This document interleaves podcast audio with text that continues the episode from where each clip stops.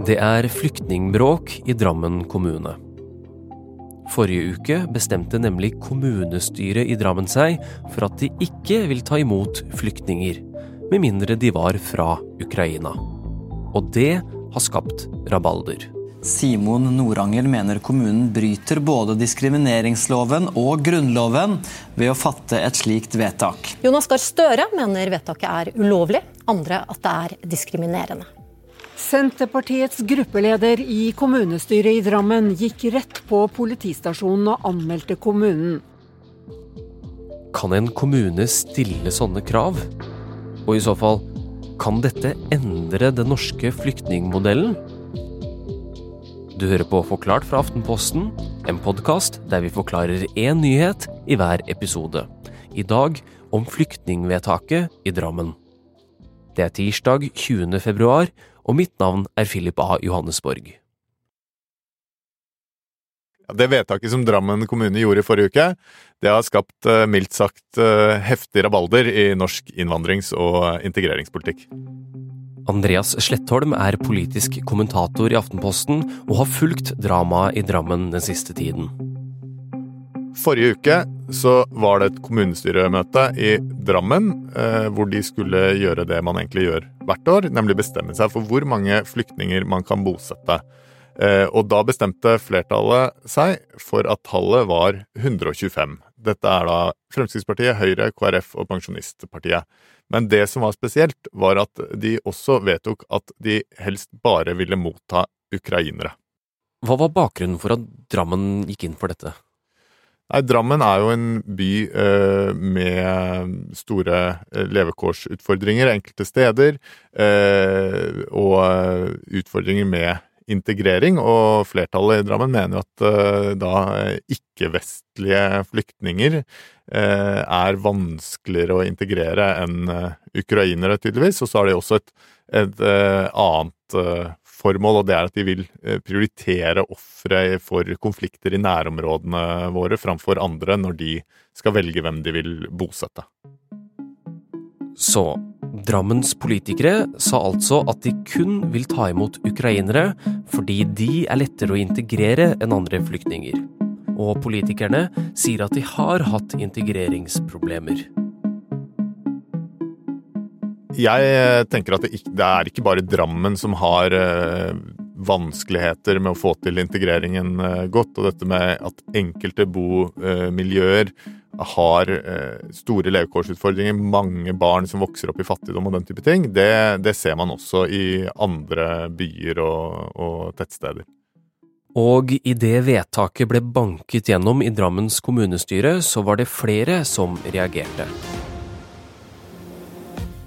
Intenst og følelsesladet i Drammen sier nei til andre flyktninger enn ukrainere. Og det var både demonstranter, gråt og sterke skullinger i kommunestyresalen i Drammen i går kveld.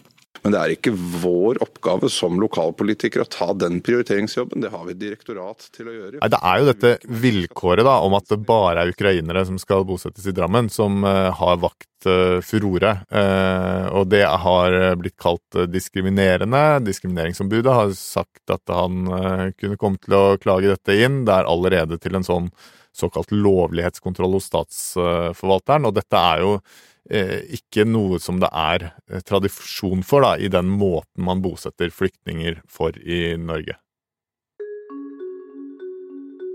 På en måte så kan vi kalle Norges flyktningpolitikk for en slags eh, dugnad. Det er frivillig for hver kommune om de vil hjelpe, og hvor mange flyktninger de vil ta imot, men alle gjør det. I Norge er det Integrerings- og mangfoldsdirektoratet som bestemmer hvem som skal bosettes hvor, og på kort kalles de for IMDi.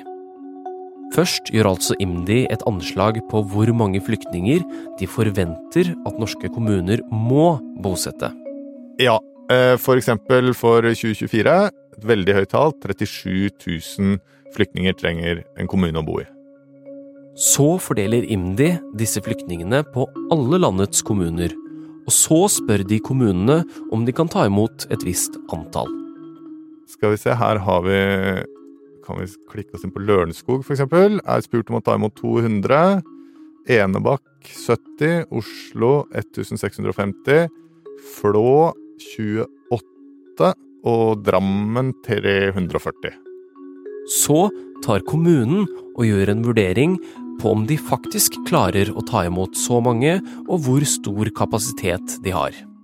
Ja, og dette er jo da frivillig. Noen eh, tar imot eh, eller sier ja til så mange som IMDi ber dem om. Ganske mange gir litt mindre anslag, sier de har dårligere kapasitet. Og så er det også noen kommuner som sier at de kan ta imot flere enn det de blir bedt om.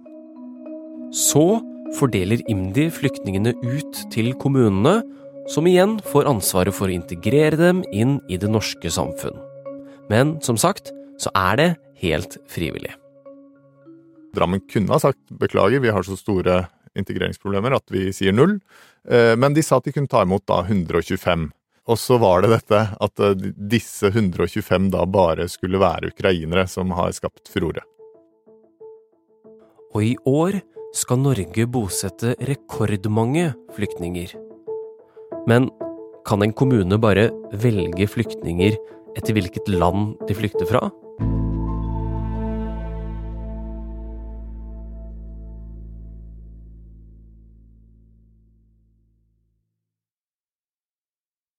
Det kommer jo veldig mange flyktninger til Norge nå, mange flere enn det kom under denne flyktningkrisen i 2015. Og de aller fleste av dem er uh, ukrainere, da, som uh, får uh, automatisk beskyttelse i Norge. og det har jo skapt store utfordringer for disse kommunene, som har etter hvert meldt tilbake at det er på en måte det er ikke viljen det står på, men det begynner å bli begynner å bli fullt eh, i en del eh, kommuner. Og det å ta imot flyktninger, ja, det koster. De skal ha fastleger, barnehageplasser og boliger, senger, klær og mat, og dette må altså kommunen sørge for. Det er jo kommet uh, ca. 70 000 uh, ukrainere til Norge siden krigen uh, brøt ut. Uh, IMDis prognose for det som trengs å bosettes i år, er jo 37 000, så de forventer jo at det kommer enda flere ukrainere. Så kommer det egentlig ikke så veldig mange andre asylsøkere for tiden, men det kommer noen. men denne tilstrømmingen fra Ukraina er så stor at, at den på en måte sprenger alle Eh, rekorder for, eh, for asylsøkere og flyktninger i Norge noen gang. Og det er dette som er bølgen flere snakker om, og som kommuner over hele landet nå rigger seg for. Målet er å integrere dem så raskt som mulig. Når eh, en flyktning blir bosatt i en kommune, så er det da kommunene som får ansvaret for å integrere dem i det norske samfunnet. Eh, og da skal de gjennom et sånt introduksjonsprogram. Eh, som har som mål å få deg til å fungere, bli kvalifisert for eh, norske arbeidslivet eller få deg inn i ordinær utdanning. Så det er språkopplæring og litt sånn kultur og samfunnsforståelse og sånne ting, men så er det også kvalifisering til arbeid. Og kommunene har da ansvaret for, å, for at disse har et sted å bo, og at de får alle disse rettighetene, tingene de har krav på, barnehage og skoleplass og den type ting.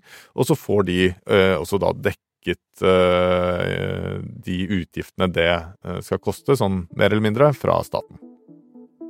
Kommunen får altså penger fra staten for å ta imot og integrere flyktninger. Dette heter integreringstilskudd og varer i ca. fem år.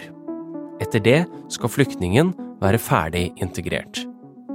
Det er sånn overordnet eh, sett så tror jeg de fleste er enige om at eh, integrering er krevende, men at den modellen som Norge har valgt, fungerer ganske bra. Eh, fordi det er frivillig for kommunene.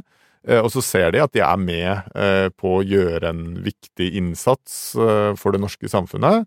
Eh, og så er det jo mange, eh, spesielt eh, mindre kommuner, som er glad for at det kommer flere folk inn i kommunen. De trenger fremtidige skattebetalere, de trenger folk, ikke sant. De første årene er det jo krevende, og altså, tenk bare fastleger, da.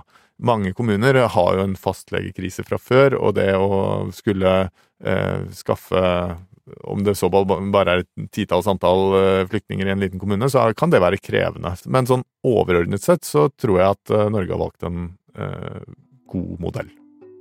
Flyktninger blir bosatt i kommuner over hele Norge, og etter fem år så står de som nordmenn flest fritt til å flytte hvor de vil. Og er du bosatt i en kommune langt mot nord, men kanskje kan tenke deg å flytte til et litt varmere strøk, ja, da står du i din fulle rett til det. Det er klart at hvis du har en bakgrunn fra en, eh, fra en storby i Midtøsten, fra Damaskus da, eller uh, hvor, det, hvor, det, måtte være, så, så, er det klart det er en veldig stor omstilling selvfølgelig å komme til Norge i utgangspunktet, men det er jo en enda større omstilling å komme til Båtsfjord i Finnmark enn å bo i en av de store byene, bo i Oslo. Eh, men det er jo også nesten fascinerende hvor mange som blir i den kommunen og skaper seg et eh, liv eh, der. For det er langt fra, er langt fra sånn at alle flyktninger valfarter til Oslo eller Bergen eller Østlandet. Eller Drammen. Flyktningstrømmen fra Syria i 2015 ble omtalt som en flyktningkrise. Men nå, nesten ni år senere, er tonen en helt annen overordnet så er, har det vært nesten litt fascinerende å se eh, at det har vært en slags unison enighet om at her må vi bare åpne opp eh, og ta imot alle som eh, kommer. Og det har på en måte ikke vært noen sånne motkrefter eller sånne innvandringskritiske stemmer som har sagt at her må vi begrense tilstrømningen. Drammen så sier du jo egentlig da ja, vi, vi, vi, sliter her med integreringen generelt, og det er en pressa kapasitet, men vi kan allikevel hjelpe 125 eh, flyktninger med boliger og kommunale tjenester eh, så lenge de er ukrainere. De kunne jo sagt at vi kan ikke ta imot noen flere flyktninger, men, men eh, det sier jo på en måte også at eh, solidariteten med Ukraina er eh, fortsatt veldig sterk, da. Men kan Drammen kreve å bare ta imot ukrainske flyktninger? Om det vedtaket de har gjort er lov eller ikke, er egentlig ikke så interessant. Fordi IMDi eh, sier eksplisitt at det vedtaket de gjør, eh, skal ikke komme med den type krav. Så de ber om et antall, eh, og så eh, er det da eh, IMDi som forholder seg til det antallet. Men, men, Drammen vet jo dette, sånn at Drammen prøver på en måte å teste litt grensene for hva kommunene kan bestemme i denne integreringspolitikken, og kanskje med håp om å få den der nasjonale politiske diskusjonen som vi nå har fått. da. Og nå venter mange på avgjørelsen hos statsforvalteren, om det er lov for Drammen å kreve kun ukrainske flyktninger. Men Andreas, hvis Drammen kommune får lov til å forskjellsbehandle flyktninger, hvordan vil det påvirke flyktningmodellen i Norge? Nei, du kan si at uh, hvis alle skulle begynne å gjøre sånne forskjellige uh, vedtak om hvem de ville ha og hvem de ikke ville ha, uh, så, så så forrykker det hele balansen, hvor du har staten som bestemmer hvem som skal få komme til Norge, og kommunene som bestemmer hvor mange de uh, vil bosette. Eh, og det har jo fungert eh, bra. Eh, og så kan du si at hvis dette blir vanskeligere for staten å gjennomføre i praksis, så kan man jo se for seg andre modeller, f.eks. Eh, at eh, kommunene ikke kan bestemme selv hvor mange de vil ta imot. Jeg skjønner ikke helt hva, hva slags prinsipiell debatt, eh, eller hva de vil oppnå med denne debatten egentlig i, eh, i Drammen, fordi de sier at de de ber om at kommunene kan få mer handlingsrom og mer å si i disse spørsmålene. Men, men eh, de har jo det handlingsrommet i dag at, de, at, det er frivillig å bosette flyktninger. Sånn at eh, jeg tror ikke kommunene kan reelt sett håpe på noe, noe mer enn det. Men så er jo det paradokset her, hvis man skal ned i i, i, praksis, da, så er det jo sånn at um, omtrent ni av ti flyktninger som kommer til Norge, uansett er fra eh, Ukraina. sånn at hvis Drammen skal ta imot 125 stykker, så vil det jo i hvert fall sånn teoretisk sett være bare en håndfull av dem som ikke kommer fra Ukraina. Og da snakker man jo om et veldig lite integreringsproblem.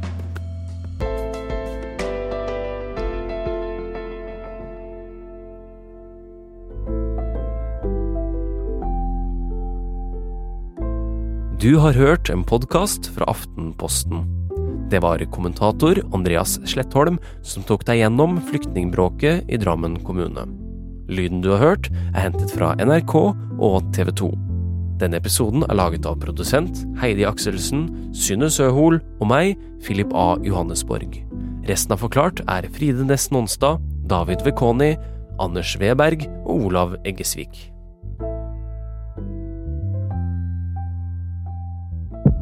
Hvem tjener på at maten vår blir dyrere? Er det du som sitter igjen med de ti prosentene? Eh, nei. Det er ikke noen store penger å hente for oss i dette greiene her. Det gjør man selvfølgelig for å tjene mer penger. Det er ikke sånn at det forsvinner noen penger noe sted. Hør sesongåpninga av Dypdykk hos Aftenposten eller Podmy.